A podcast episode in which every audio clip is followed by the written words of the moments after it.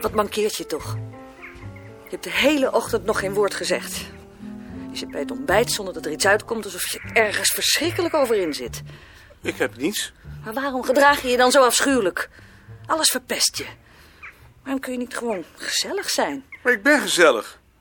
Ik ben 's ochtends alleen lui. Moet ik een beetje voor me uit zitten kijken. Maar zeg het dan als je iets tegen me hebt. Je maakt me zo zenuwachtig. Je moet eens weten hoe verschrikkelijk dat voor een ander is als je je zo gedraagt. Hij dacht erover na of hij echt niets had. Hij zou niet weten wat. Toen hij opstond was hij triest geweest, maar hij was zo vaak triest als hij opstond. Aan het ontbijt voelde hij zich belazerd. Hij had zich afgevraagd of hij toch niet wat aan zijn leven had, maar dat dacht hij zo vaak. Even overwoog hij om dat als verontschuldiging aan te voeren, maar hij hield zich in. Hij liet zich veel te gemakkelijk tot verontschuldigingen dwingen. Hij vluchtte daar te vaak in, in de veronderstelling dat hij dan sterker stond, terwijl de uitwerking gewoonlijk averechts was. Het was beter vol te houden wat hij gezegd had. Hij was niet uit zijn humeur. Hij was werkelijk niet uit zijn humeur. Hij was alleen lui en dat was hij 's ochtends altijd. Heb je je kortingskaart wel bij je? Die heb ik vergeten. Dan missen we de trein. Je had de trein van vijf over half elf toch zeker niet willen halen? Nee, Dus we missen de trein niet. nee. Maar waarom zeg je dat dan? Om het te pesten. Het was een reflex. Zie je wel dat je uit je humeur bent. Anders zou je zoiets niet zeggen. Ik dacht even dat de trein elk kwartier gaat. Ik was, ik was het alweer vergeten. We zijn zelfs te vroeg. Waarom wou je zo vroeg naar de trein? Wees blij dat ik die kaart heb vergeten. Anders hadden we al die tijd in de kou gestaan. We kunnen nog wel drie keer op en neer. Geen drie keer. In ieder geval is het idioot dat je nu al naar de trein wou. Waarom ben je niet gewoon thuis blijven We wachten? doen het toch nooit meer? We hebben toch afgesproken dat we gewoon de deur uitgaan? Dat heb jij zo ingesteld. Maar nu blijf ik thuis wachten.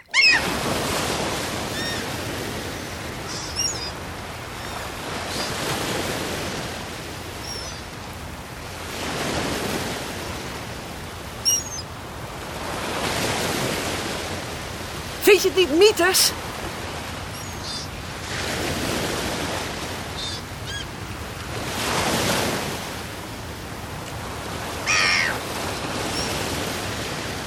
Dat zouden we veel vaker moeten doen.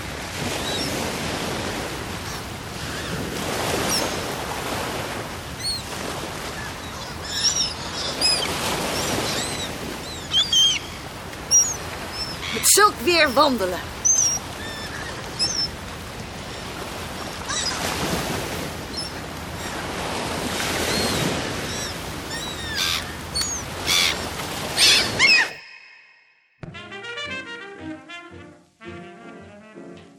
Ik vind je toch zo stil. Wat heb je nou eigenlijk voor aardigs gezegd vandaag? Je bent uit je humeur. Waarom zeg je dat niet gewoon? Geef dat dan eens toe. Bewijzen dat je niet uit je humeur bent. Hij moest de man nog ontmoeten die dat klaarspeelde. Als Nicoline in haar hoofd had gezet dat ze wel beter wist. Hij haalde de kirsch en zette de witte wijn in de ijskast. De kirsch stemde hen vredig. En onder de fondue was het of er nog nooit iemand in hun huis uit zijn humeur was geweest.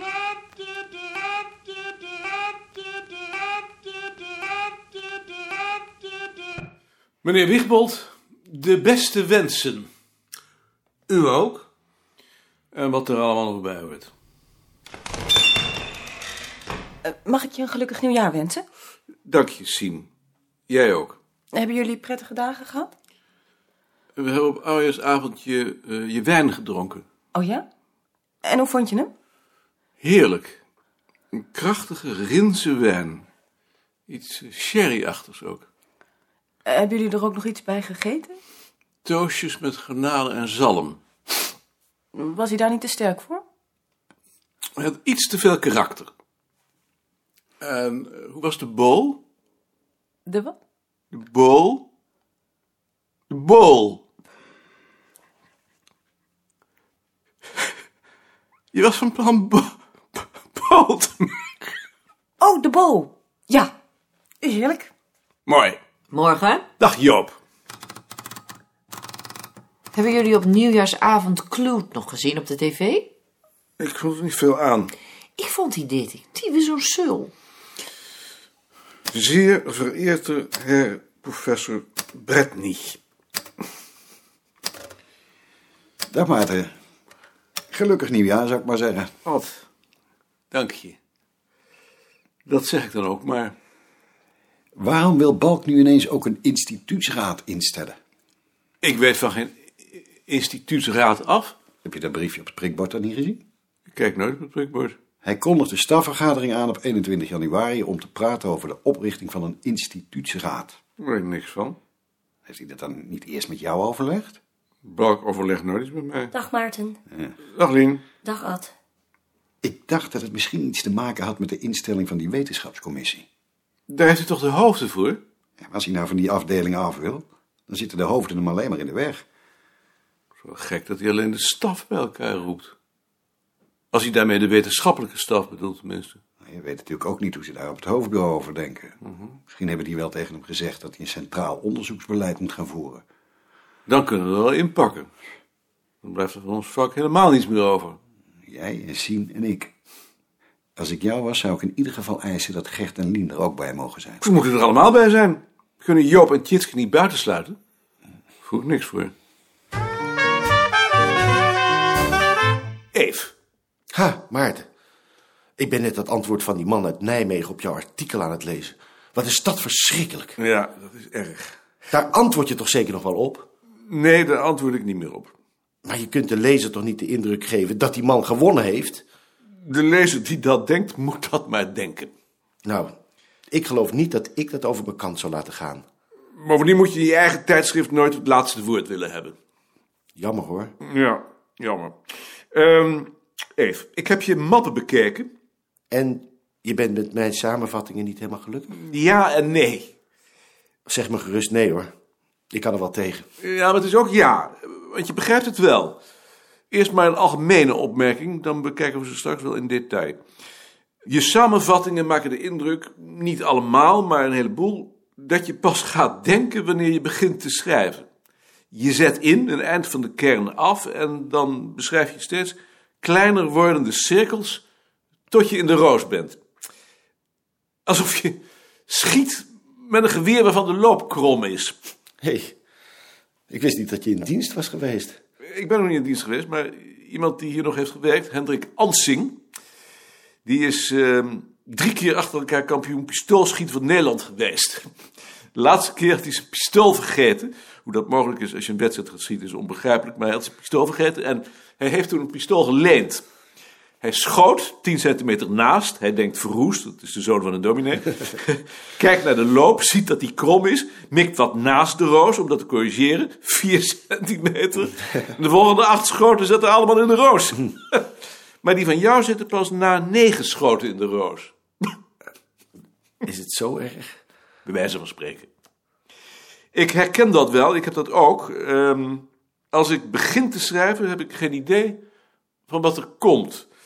Mijn hoofd is volkomen leeg, blanco. Pas als ik schrijf, zie ik wat ik van een boek denk. Ja, zo is het wel. En leuk dat jij dat ook hebt. Zou niet veel meer mensen dat hebben? Misschien omdat we op dezelfde dag jarig zijn? Denk je? Kreeft. Dat zou toch best kunnen? In ieder geval moet je dat wel corrigeren. Hm. Je moet zo'n stuk dus herschrijven zodra je weet wat je zeggen wilt. Hm. Een voorbeeld. Dag, Bart. Dag Maarten. Mag ik je een heel goed 1981 wensen? En Nicolien ook. Dank je. Jij en, eh, en, en Marion ook natuurlijk. Mark zoekt je. Wat wil je? Dat weet ik niet.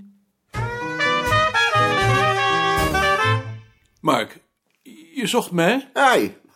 Eh, ga even zitten. Nou, Ik heb je samenvatting van eh Vauvel gelezen. Ik vond die goed.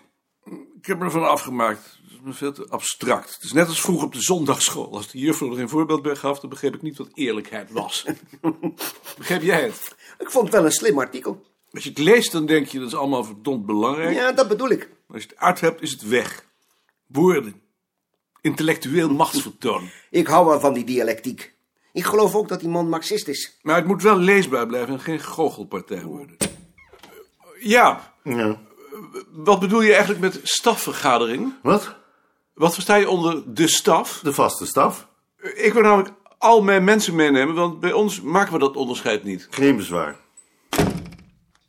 En tenslotte denk je, het ligt niet aan mij, het ligt aan Vauvel. Uit zelfbehoud. Als hij het naar het bulletin had gezonden, had ik het teruggestuurd. Maak maar over. Net zolang tot het duidelijk is. Censuur. Dan zou er meteen minder gepubliceerd worden. Dat lijkt me een weldaad voor de mensheid. Zolang ze onze stukken maar allemaal opnemen.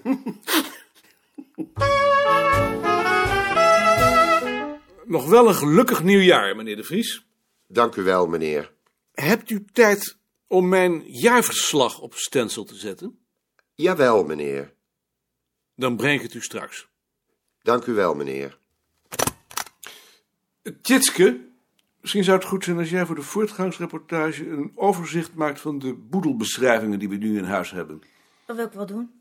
Zijn die nou echt nodig, die voortgangsrapportages? Het is toch genoeg als jij alles weet? Ik vind het zo vervelend, dat geklets. Dat zeg je nu. Maar straks op weg naar huis val ik dood neer. Dan moeten jullie donderdag naar de begrafenis of ik word in stilte begraven. Vrijdag nog even napraten en eh, maandag merk je dat niemand een sodomieter van de ander af weet. Dat weten we nou toch ook niet? Iedereen rommelt toch maar wat aan. Er zit toch helemaal geen lijn in, geen beleid? Jij vindt dat er meer lijn in moet? Natuurlijk. Voor mij mag het allemaal veel strakker. Nou, er zit lijn in. Wat is dat dan? Daar heb ik nog nooit iets van gemerkt. Alles wat we doen is op één noemer te brengen. Cultuurverandering in de tijd en cultuurspreiding in de ruimte. Dat zegt me niks. Waarom kunnen we niet gewoon doen wat we leuk vinden? Het is toch zeker allemaal onzin? Omdat we dan binnen de kortste keren worden opgeheven. Dat zie ik niet in hoor. Waarom denk je dan dat er nu een wetenschapscommissie komt? Als ze straks gaan bezuinigen, en ze gaan bezuinigen, want het is een wildgroei geworden, dan wordt ons bestaansrecht getoetst aan wat we doen. En als we niet heel precies weten wat we doen, en als we wat we doen niet goed doen, dan gaan we eraan. Daar is niks leuks meer bij. Dat weet ik niet hoor. Nou, maar ik weet het wel. En daarvoor zijn die voortgangsrapportages. En wat doen we dan eigenlijk? Geef daar dan eens een voorbeeld van. Alles wat we doen is daar een voorbeeld van. Maar geef dan eens een voorbeeld. Nou, bijvoorbeeld mijn broodonderzoek. Hij haatte zichzelf, als altijd, wanneer hij zich had laten meeslepen door zijn welbespraaktheid. Geen sodomieter begrepen ze ervan. Hij kon het ene stuk na het andere schrijven, het ene beleidsplan op het andere stapelen.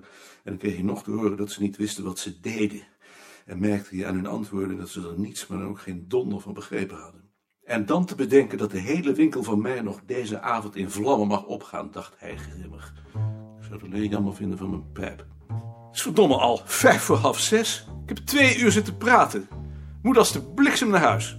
Jullie ook. Ik maak nog even wat af. Ik ga ook. Tot morgen dan.